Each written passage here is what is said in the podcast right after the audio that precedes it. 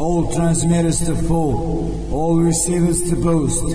This is Novi Sad calling. This is Novi Sad calling. I repeat, this is Novi Sad calling.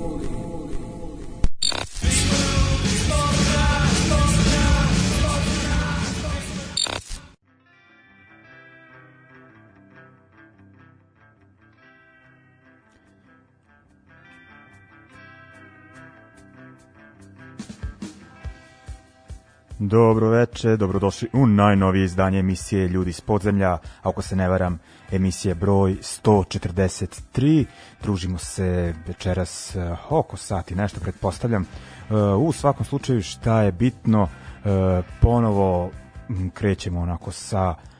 regularnim gostima, mislim i dalje preko Skype-a, ovaj, dakle online, ali ovaj nakon nekoliko emisija kojima smo isključivo vrteli novije stvari, mislim da ćemo narednih nekoliko emisija da se onako orijentišemo na to da imamo e, sagovornike, onako da čujemo i neke e, drugačije priče i naročito mi je zadovoljstvo što e, večeras imamo razgovor e, sa gostom koji je po prvi put u našoj emisiji e, to mi je bitno, rekao sam da će biti novi gostiju, pa eto, ovaj, E, da počnemo e, večeras. Uglavnom, e, nahvatali smo Nešu, čoveka koji nekih sada već 10-11 godina živi u Berlinu, a inače odavde, to jest deo je somborske punk scene, odatle je ponikao, tamo je radio fanzin Agitator, međutim onako nije ga držalo mesto, tako da je ovaj živeo i u drugim gradovima, e, na primer e, bio je član benda e, Unutrašnji bunt, koji je onako kovinski bend, ali on je onako da kažem, iz drugog grada tu upao. Onda je isto bitan za našu cenu 2000-ih kada je živeo u Beogradu, organizovao je gomilu odličnih svirki kao deo Subwar kolektiva, pevao u bendu Nakot i e, u tom periodu se onako e, još više afirmisao kao punk ilustrator e, da ne kažem krijući se iza e, ovaj nego da kažem pod imenom Doomsday Graphics e, odradio je gomilu omota ilustracija za neke knjige i slično, ovaj, ono, ima zanimljivih radova, ispratite to na internetu, dakle, Doomsday Graphics, gomilu interesantnih mi, priča bi mi to jest on podelio sa nama iz 90-ih i 2000-ih, ali nekako to čuvam e, za vreme kada bude ovde, kada nas poseti u Novom Sadu, pa onako da sedne preko puta, pa da to e, da prođemo kroz te priče onako na tenane, a ovaj bitno je šta se sad sa njim dešava, dakle e, člani berlinskog benda, to jest pevač berlinskog benda Ego koji su e, pre nekih godinu dana izbacili e, prvi album na kaseti ili demo kako već, ali u svakom slučaju to onako dosta cirkuliše kroz punk e, krugove, skrenuli su pažnju na sebe, tako da ovaj, sa razlogom i gostovanje svakako. Uh, uglavnom, uh, da ne dužim, osim što ću reći da smo mi pričali onako zaista dugo, tako da smo primorani da razgovor podelimo na dva dela. Danas ćemo onako se više uh, usresrediti uh, na onaj deo u kom smo pričali o bendu Ego i još nekim, da kažem, tu uh, temama koje su vezane e, za njih e, i onda je ostalo vremena, to jest pustit ćemo neke novitete, dok ćemo drugi deo priče, a to je onako izvrstan uh, sin report iz Berlina o toj eh, emigrantskoj punk sceni, to ostavljamo za sledeći put, stvarno ćete uživati i u priči i u odabranim numerima, u numerama, a uživaćete i večeras. U svakom e, slučaju e, puštamo sada e, ego, pa idemo na priču sa Nešom. Ajmo.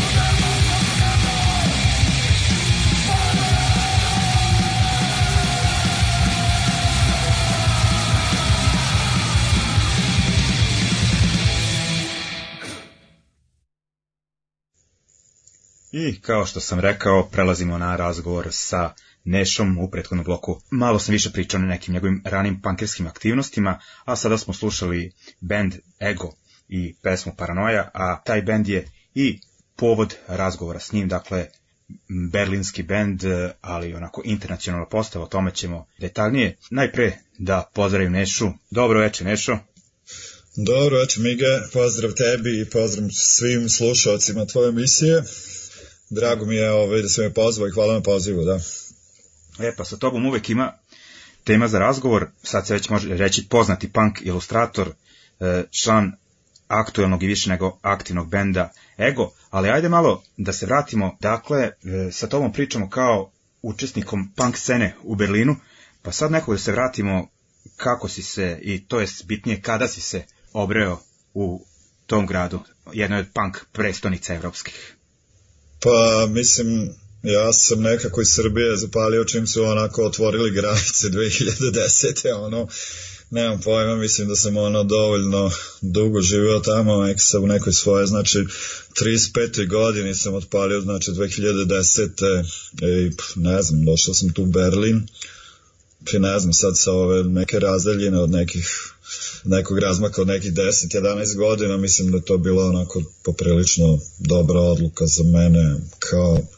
nemam pojma i čoveka i ilustratora i pankera i bilo šta, znaš, ono, tako. Da, i sad e, da kažemo što je najbitnije, kako je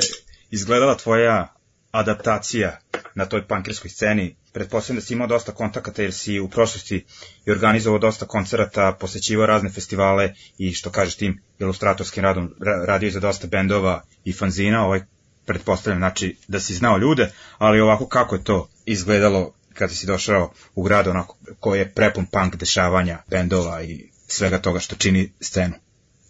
Pa dobro, ja sam imao tu neku sreću ili nesreću, sa sam odmah na početku završio u Krpiju, ono, tu sam živio prvih godinu dana i mislim, ono što je, mislim, internacionalno poznata, poznata sada projekt kuća nekada, nekada squat, ne znam, mislim adaptacija, adaptacija, pa ne znam, mislim da nije mi sad nešto bilo preteško, ono, adaptirati se tu, ali u Berlinu je onako punk scena poprilično internacionalna i otvorena, ne znam, i da, imao sam ono dosta nekakvih kontakata sa nekim ljudima pre nego što sam došao i nekom trenutku kad sam se ja preselio ovde,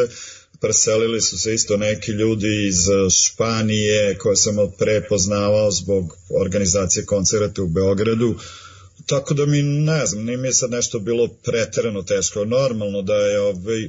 možda teže kada se ono odjednom negde preseliš sa 35 godina nego sa 25 ili 20, znaš, ono si kao padneš s neba,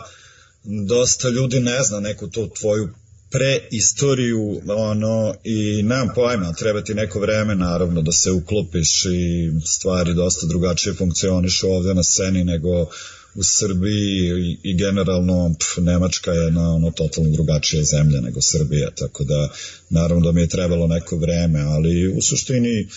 jako brzo sam tu stekao neke prijatelje i neke kontakte i ne znam, u roku od nekih dve ili tri godine sam počeo ovde sa prvim bendom koji se zvao Gau. Da. Ove, ovaj, tu su bili neki ljudi David iz eh, Španije koji je dugo živeo u Barceloni koji se isto u tom nekom trenutku preselio ovaj, u Berlin. On je svirao pre u nekakvim tim eh,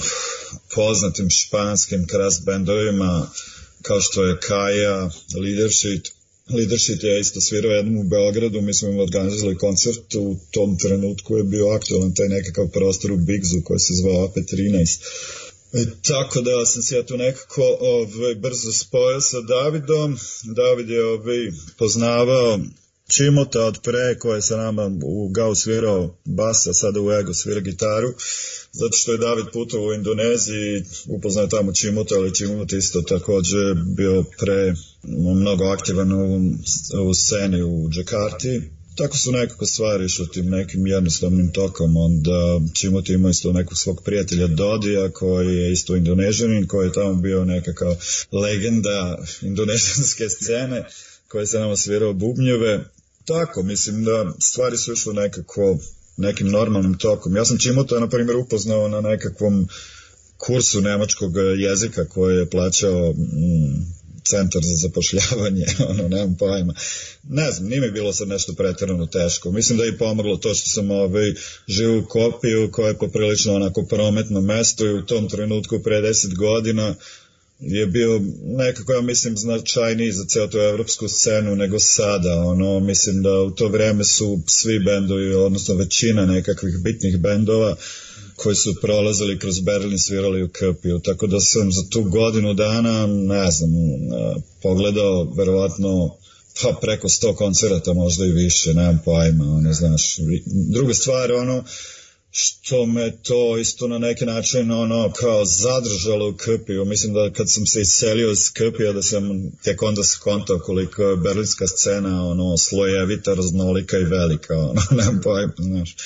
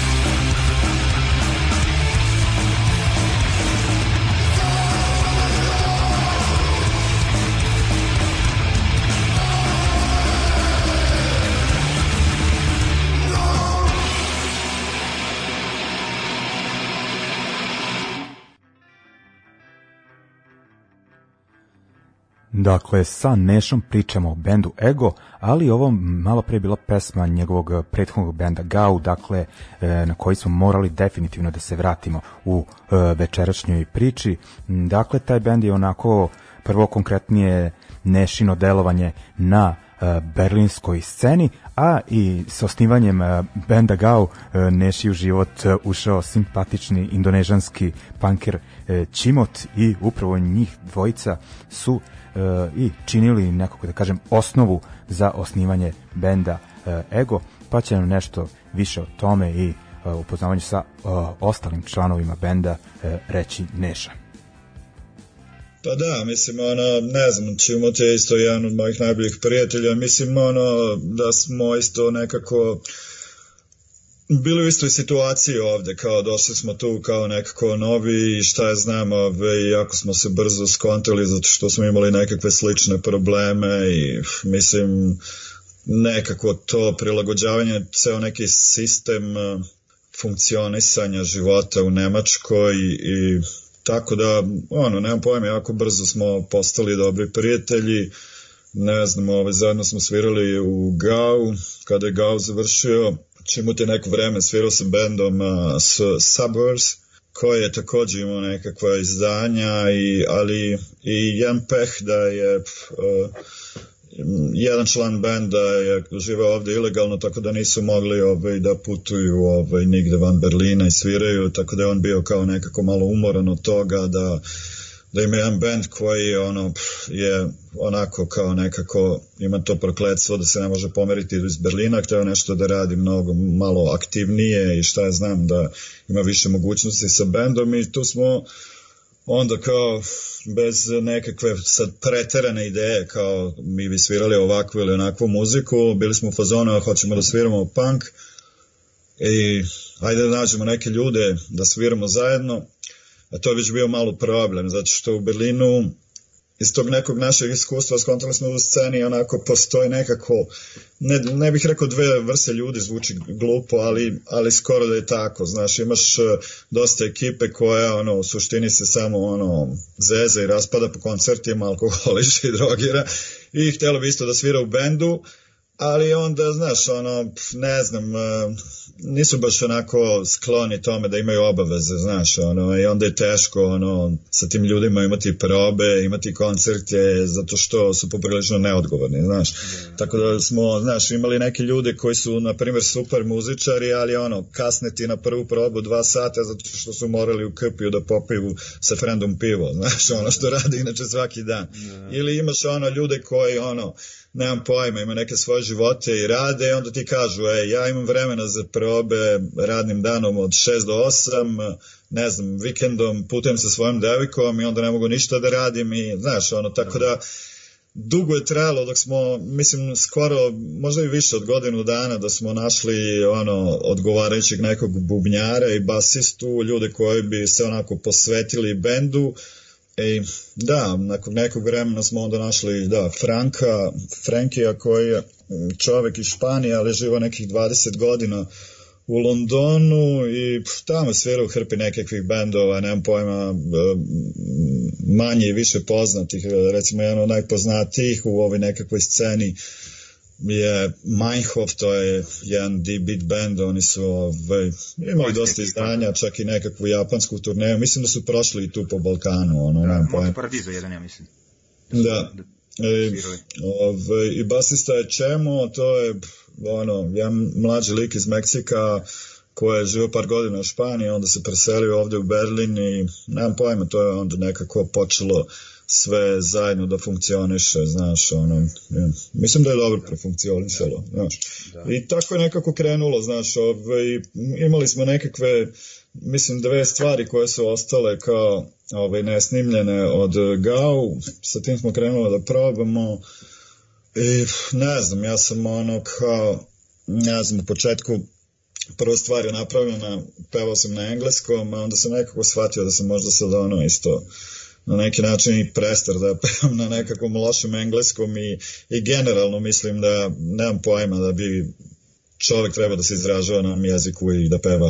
na nekom materijem na kojem ono, se najbolje izražava. To bi te baš pitao, da li nailaziš kao na, na to neko ograničenje po pitanju prijema publike, kao što pevaš na jeziku koji većina tamo ne razume ili onako pa, ili sada ne, band? Ono,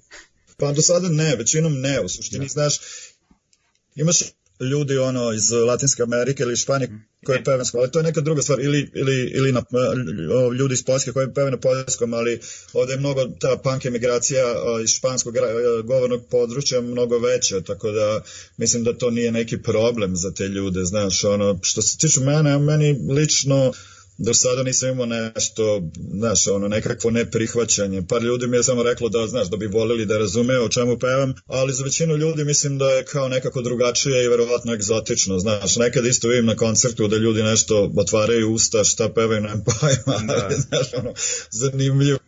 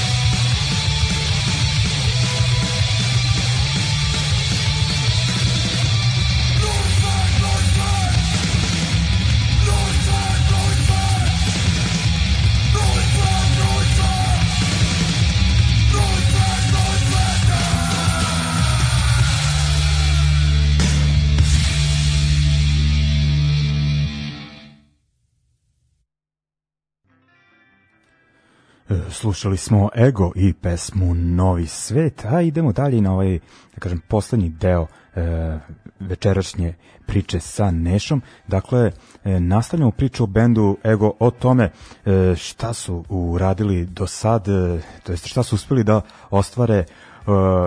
u čemu su, da kažem, ometeni usled pandemije i nekako da li uopšte postoje e, planovi za dalje. Pa pazi, znaš, ovaj, nemam pojma, to je ta cela priča se nekako intenzivirala s bendom kad smo već imali počeli da živimo zajedno, zato što m, mm, mislim da to, ne znam, negde sam ne negde, mno, o, čitao sam o mnogo nekakvih bendova iz 80-ih, punk bendova, čak ja mislim Motorhead da je ono kao da su ljudi živeli zajedno jedno vreme, mislim da je to jako dobra stvar, ali onda uh, te sve nekakve ideje oko muzike jako se brzo razmenjuju, ljudi provode dosta vremena zajedno i mislim da to se odražava na, taj, na tu neku produktivnost, znaš. U tom nekom trenutku kada smo mi počeli da živimo zajedno, ono, Čimo te isto imao nekakve dobre poslove, tako da je nakupao neka, gomilu to neke opreme za snimanje i počeo uglavnom da se bavi sa tim nekim poslom oko zvuka I nemam pojma, mi smo onda nekako jako brzo počeli već da, ovaj, da se nalazimo tu kod nas u stanu i da tu održavamo isto nekakve kao male probe sa električnim bubnjevima i da to snimamo. I onda smo mogli da sednemo posle probe i da poslušamo to što smo snimili. I tako da smo dosta, dosta brzo napredovali u svemu tome. Ne znam, ono, dosta stvari smo počeli da pravimo uh, Svirali smo dosta koncerta isto u Berlinu što je ovde jako moguće, ono kao što sam znaš ovde postoji hrpa mesta još uvek, ono svake godine naravno sve manje, ali još uvek u kojima se može uh, svirati ono u Krpi, u drugi autobanu, treći dan u Apštandu ili u Tomihavu ili bilo gde uh, i poprilično pred različitom publikom i nekako od početka smo imali ovaj ne, dobar dobar feedback, ono, ne znam, ljudi su mu govorili kao, ja, pa dobro je, super, to je nešto novo, drugačije, niko ne svira tako trenutno u Berlinu. Tako da su stvari onako izgledale dosta pozitivno. Tako da smo mi negde 2019. sredinom 19. već počeli da pričamo o tome da bi ovaj, sami snimili tu kod nas u stanu taj demo. I to se nekako onda počelo realizovati krajem 2019. Isto te 2019. već smo svirali nekaka, nekih par bitnih koncerata za nas. Jedan od tih je bio sa bendom Fane iz eh, Vancouvera, iz Kanade. Posle tog koncerta gitarista tog benda je ovaj, pričao sa mnom i kao pitao nas ljudi ovaj, pa slušaj se ako vaš bend jako sviđa i mi radimo jedan festival koji se zove Have a Good Laugh u Vancouveru kao da li bi hteli da dođete sledeće godine da svirate, mi smo ono bili kao brati, totalno smo bili zbunjeni, znaš. I lik nam je rekao kao u suštini, pazi, ja mogu da vam pokrijem nekakvih ono, 30% od karata i mogu da vam sredim nekakvu kanadsku turneju ove, ovaj, koja bi vam verovatno omogućila da se, da se pokrete putne troškove. Tu smo mi ono, ono, mozgali oko toga, umeđu vremenu smo završili taj demo, snimili ga, kupili nekih par mašina za dupliciranje kaseta od koje neke nisu radile, na, ali na kraju smo naboli jednu dobru i tu smo onda imali mogućnosti sami da onako poprilično profesionalno dupliciramo te svoje kasete i tu je već počinje negde 2020. kada taj naš demo izlazi početkom 2020. znači negde u februaru, početkom februara smo imali taj tape eh, release show u isto jednoj, jednom klubu od jedne projekt kuće ovde super mali koji je poznat po tome da ima jako dobar zvuk I inače klub jako dobro izgleda i organizacija je tamo jako dobra i stvarno jedno od, od, jedno od boljih mesta u kome može da svira u Berlinu, nažalost tamo može da svira samo jednom godišnje sa svojim bendom, to je politika mesta, da i onda smo mi organizovali tamo naš tape release show na naše iznenađenje koncert je bio ove, ovaj, rasprodat, ono, čak neki prijatelji su ostali napolju, što mi je bilo žao, ali mislim, ne znam, stvarno nismo očekivali to. I tako da ta 2020. ono odjednom počela da izgleda kao neka godina koja bi za nas trebala da bude sad onako ne znam, jedna godina znaš, u kojoj će se sad ostvariti uh, sve ono nekakve želje i stvari za koje smo mi radili neke protekle dve godine možda ono imali smo bukirane koncerte već u januaru smo znali da ćemo do jedno jula svirati skoro svaki mesec nekakve jako bitne koncerte tako da smo u martu negde tačno pre izbijanja ove korona pandemija u Evropi, svirali koncert sa bendom e, Muro iz Kolumbije koja je, ono, ja mislim popri, poprilično poznat i tvojim slušalcima, ali to je jedan od bendova kojih u proteklih nekako, nekoliko godina je jako poznat na internacionalnoj punk sceni. Imali smo u maju e, zakazane koncerte u Helsinkiju na festivalu čudnog filmskog, finskog imena koje se trebam da pročitam Kankelajsta Harmija Fest ovaj, koji je onako jedan e, manji fest u Finskoj, događa se u Helsinkiju gde uglavnom sviraju finski bendovi i imaju dva tako reći uh, headlinera koje dolaze iz neke druge zemlje i mi smo bili ono presrećni da su izabrali nas da sviramo jedan od jedan od, od dana kao, kao uslovno rečeno headliner ono. i tu je bilo još nekakvih priča da sa Irenom iz, iz Turkua iz benda Porok da, ovaj, da dođemo onda dan ili dva ranije pa da odsviramo sa njima uh, jedan koncert u Turku i e, onda da sviramo na festivalu u Helsinkiju. Nakon toga smo trebali da, da uh, letimo takođe za Španiju, gde smo trebali da sviramo jedan koncert u Barceloni, a, zatim sledećeg dana drugi koncert u Madridu, isto a, e, nekakav festival u jednoj skvotiranoj kući u, u Madridu. Sledeće posle toga je u maju trebalo da bude, u maju 2020. trebalo da se održi po drugi ili treći put e, Berlin Punk Fest koje organizuje jedan uh,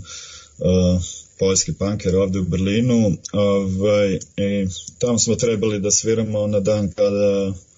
između ostalih su trebali da sviraju i La Fraction i Doom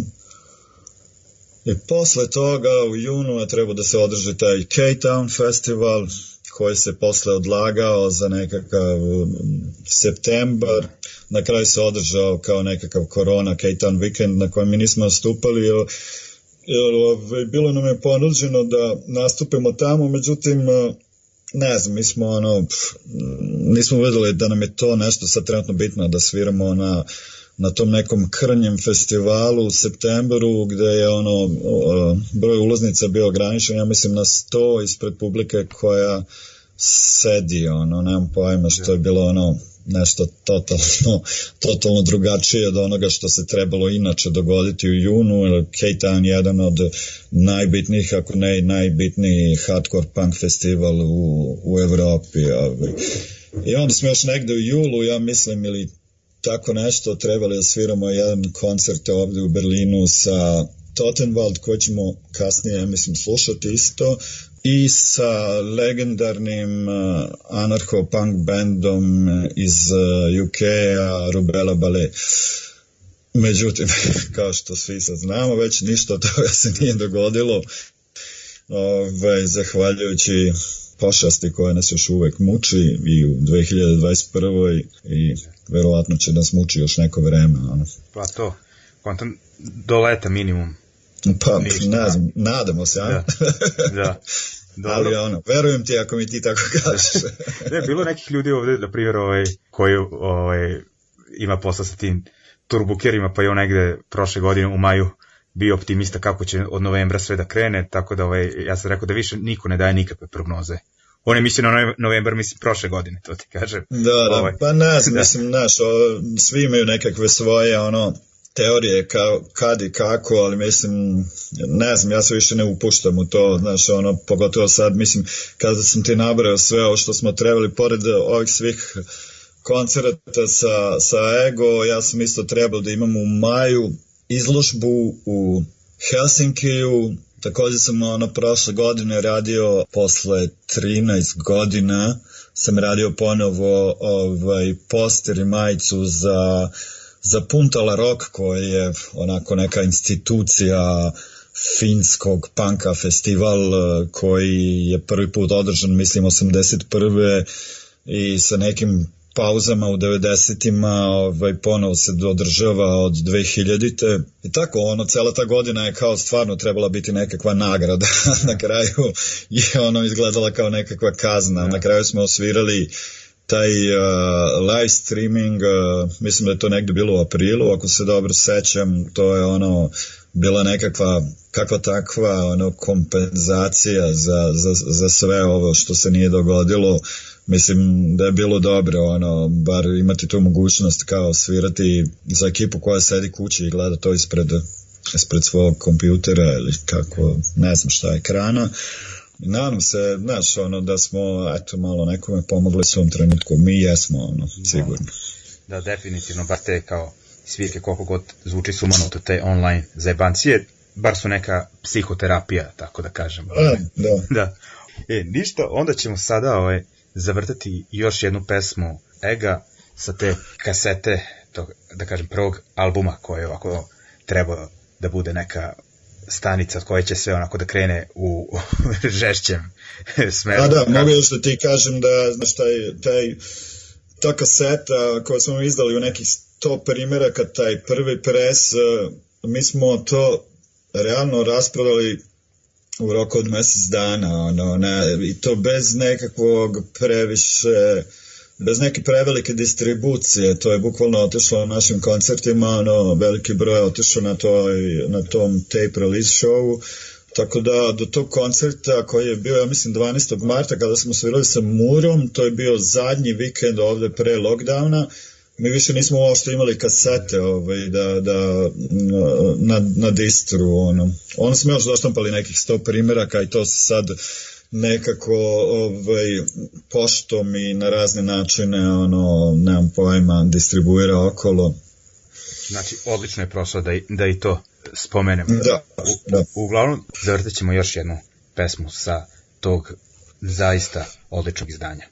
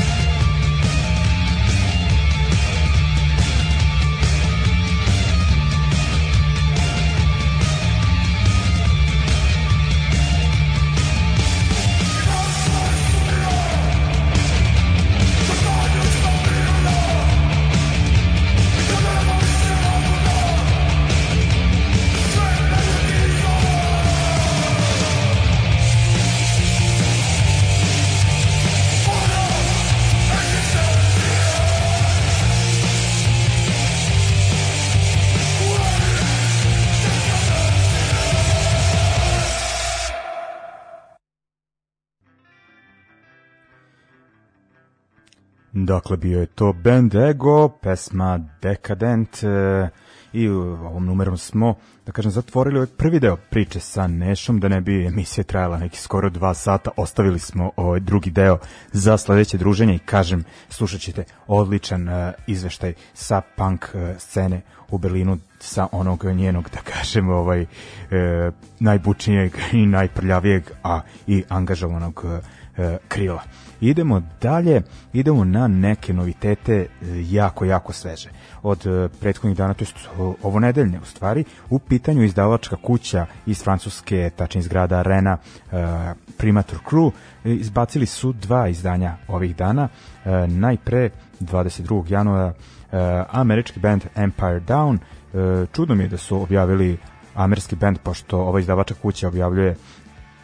uglavnom svoje zemljake, ali eto, ovaj, kada najđe na nešto zanimljivo i van Francuske e, to objavi, dakle ovo je u pitanju EP, e rekoh band Empire Down, e, naziv izdanja Gallows of Winter, onda naredi band čije izdanje izašlo pre dva dana, band Teenage Hearts, slušali smo ih, band je iz Nanta, sviraju taj neki, da kažem, miks starijeg punk roka, punk rock'n'rolla, ali ima onako E, to je pomešan sa e, dozom oja. E, oni su iz te ekipe okupljene to jest najpoznati bend te scene Janitors, dakle taj retro punk zvuk. Oni su izbacili izdanje Once More, sa kog ćemo slušati pesmu Just Another Clown. Dakle, idemo prvo Ameri Empire Down, numera Flames at Daybreak i, kao što rekoh, Just Another Clown od Teenage Hearts. Idemo.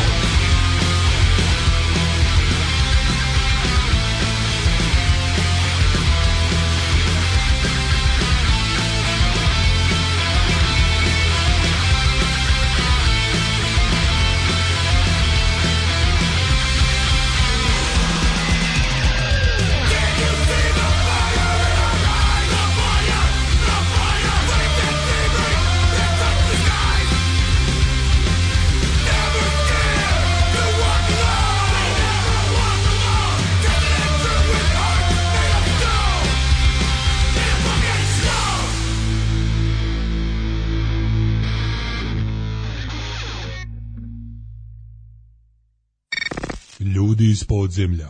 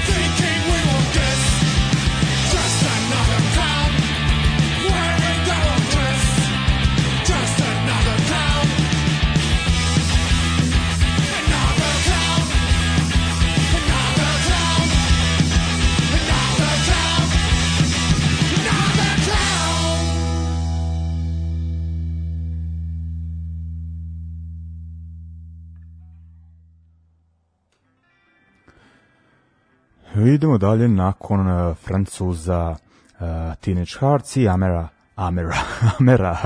Empire Down, idemo na ove prostore, rekao bih onako u januaru, to jest uh, e, od početka ove godine polako se zakovavaju stvari, da nema ljudi iz bendova šta drugo da rade, nego da sviraju pa onako malo pa malo izbacuju se snimci. Sada idemo na jedan blok, to jest najvredniji su bili u prethodnom periodu bendovi onako sa E, žešćim zvukom. Idemo na mm, beogradski band e, Bronze, najpre, dakle, band prilično poznat i slušateljstvo ove emisije i ljudima koji posećaju koncerte, da, da, dakle, sviraju taj malo nabuđeni hardcore, e, to se da kažem u moje vreme zvalo New School uh, Hardcore uh, izbacili su novu pesmu Oppressing Superior uh, rekao bi da ovde onako imaju još više metal uticaja nego što je bilo E, ranije e, no, u svakom slučaju najbitnije da se svira onako jedan od aktivnih e, bendova definitivno u našoj zemlji a onda idemo na Crnu Goru i tamo je da kažem prvi e, to jest upisano prvo Krast Dibit izdanje za to podnemlje u pitanju bend iz Podgorice e, Gnar e, ako sam dobro video e, stari znalac eh, m, ove emisije Đorđije je tu e, na bubnju. E, uglavnom e, izbacili su e, snimak sa e, četiri pesme. E, ja sam pored tri autorske, ne znam zašto odabrao ovaj e, Doom obradu, iako ove njihove autorske ne da kažem ne zaostaju kvalitetom za ovom e, pesmom, ali mi je onako vada i zanimljivo da bend e, i Crne Gore konačno koja nije baš bila poznata po uh, takvoj vrsti punkčine ono obrađuje Doom, tako da mi je ovako to uh, za pohvalu i onda kažem za taj uh, žešći domaći blok uh, slušamo Bronze i Gnar i nadam se ovaj da ćemo i u narednim emisijama uh, slušati neke ovako nove domaće stvari znam da su u studiju i DMT i Still Bleeding i ne mogu da se setim, ali mislim da ima još bendova, tako da se nađe, nadam najkasnije sledećeg meseca da ćemo imati jedan specijal sa novim domaćim stvarima. Idemo sada na bronz prvo. Thank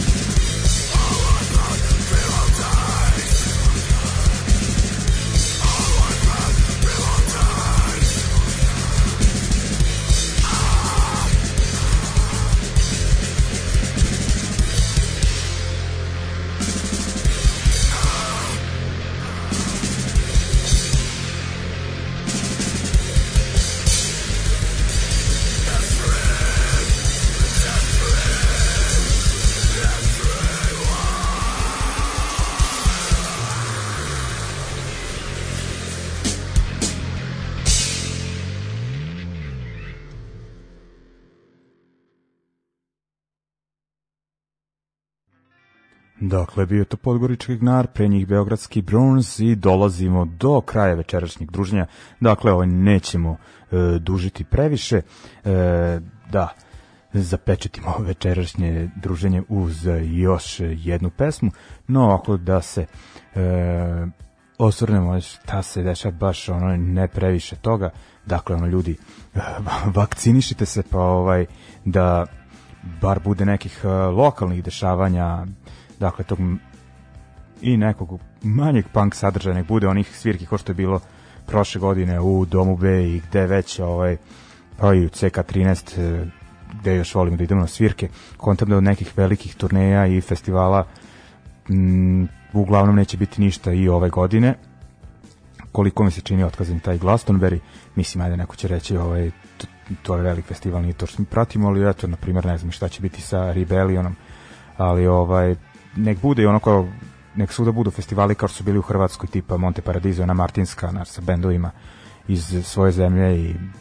možda nekom u okruženju i nek to bude to za ovo leto ja ću biti e, zadovoljan ovaj, uglavnom isto u gradu naročito mirno i eto jedna vest koja je naročito rastužila se one koji su bili e, deo punk scene novosadske i naročito limanske ovaj, 90-ih eh, pogotovo dakle e, legendarni klika je e, preminuo da li juče da li preključe pa eto ono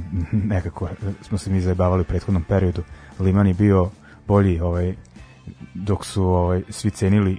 e, kliku a ne ove klince repere kliku znači u, ovih poslednjih godina sve otišlo ono dođe volato onako e, lik koji je onako vrteo se oko bendova, bio je član samo jednog, da kažem, e, e, eksperimentalnog, improvizovanog benda, prvobitna zajednica, ali onako vrteo se i oko GBB-a, vozio ateiste svuda i po zemlji na njihovim prvim e, gostovanjima po Sloveniji. Pa eto, ovaj, e, kažem, vest koja je prilično e, rastužila e, ljude koji su bili deo to, te scene. Uglavnom, mi ćemo se, sad se vraćamo na da završimo večerašnje druženje sa još jednim e, novitetom. E, idemo na uh, ska punk legende Mighty Mighty Bostons, što ime kaže, iz Bostona su, oni su objavili uh, pa da li juče preključe novu pesmu, stvari juče rekao bih, uh, u produkciji Tim Armstronga iz Rancida i kad čujete pesmu znaćete to je taj njegov faz, fazon kad radi ska reggae pesme. Uh, Uh, uglavnom, uh, pesma traje 8 minuta, znači ono dok uh, se završi pesma, tamo ću da se popakujem i ovaj, spremim da izađem prvi put toliko dugačka pesma. Ne mogu da pohvatam ono da li to samo single ili ovaj je deo nekog albuma, ali uglavnom e,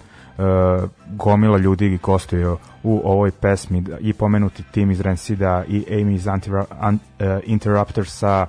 Laila iz e, Sonic Boom 6 pa preko Jake Burnsa iz uh, Steve Littlefingersa, pevača ovog, uh, iz Agrolights-a, mm, pa ima ono tu m, mm, ovog Jimmy Gestapo iz Murphy's Law, ma svega. Uglavnom, uh, pesma se zove The Final Parade, tako da bi uh, ovim mogli i da završimo večerašnje druženje i najavljujemo sledeće emisije je već spremna, ono, nema tu uh, e, ni da krijem, ni da se brinem. Dakle, sledeće e, srede nas očekuje izveštaj sa berlinske scene e, od strane Neše, koji je bio i večerašnji sagovornik i nadam se da ste e, uživali i o, naročito u tom delu emisije da je bio e, veoma informativan. Idemo e, laku noć uz Mighty Mighty Bostons. Idemo.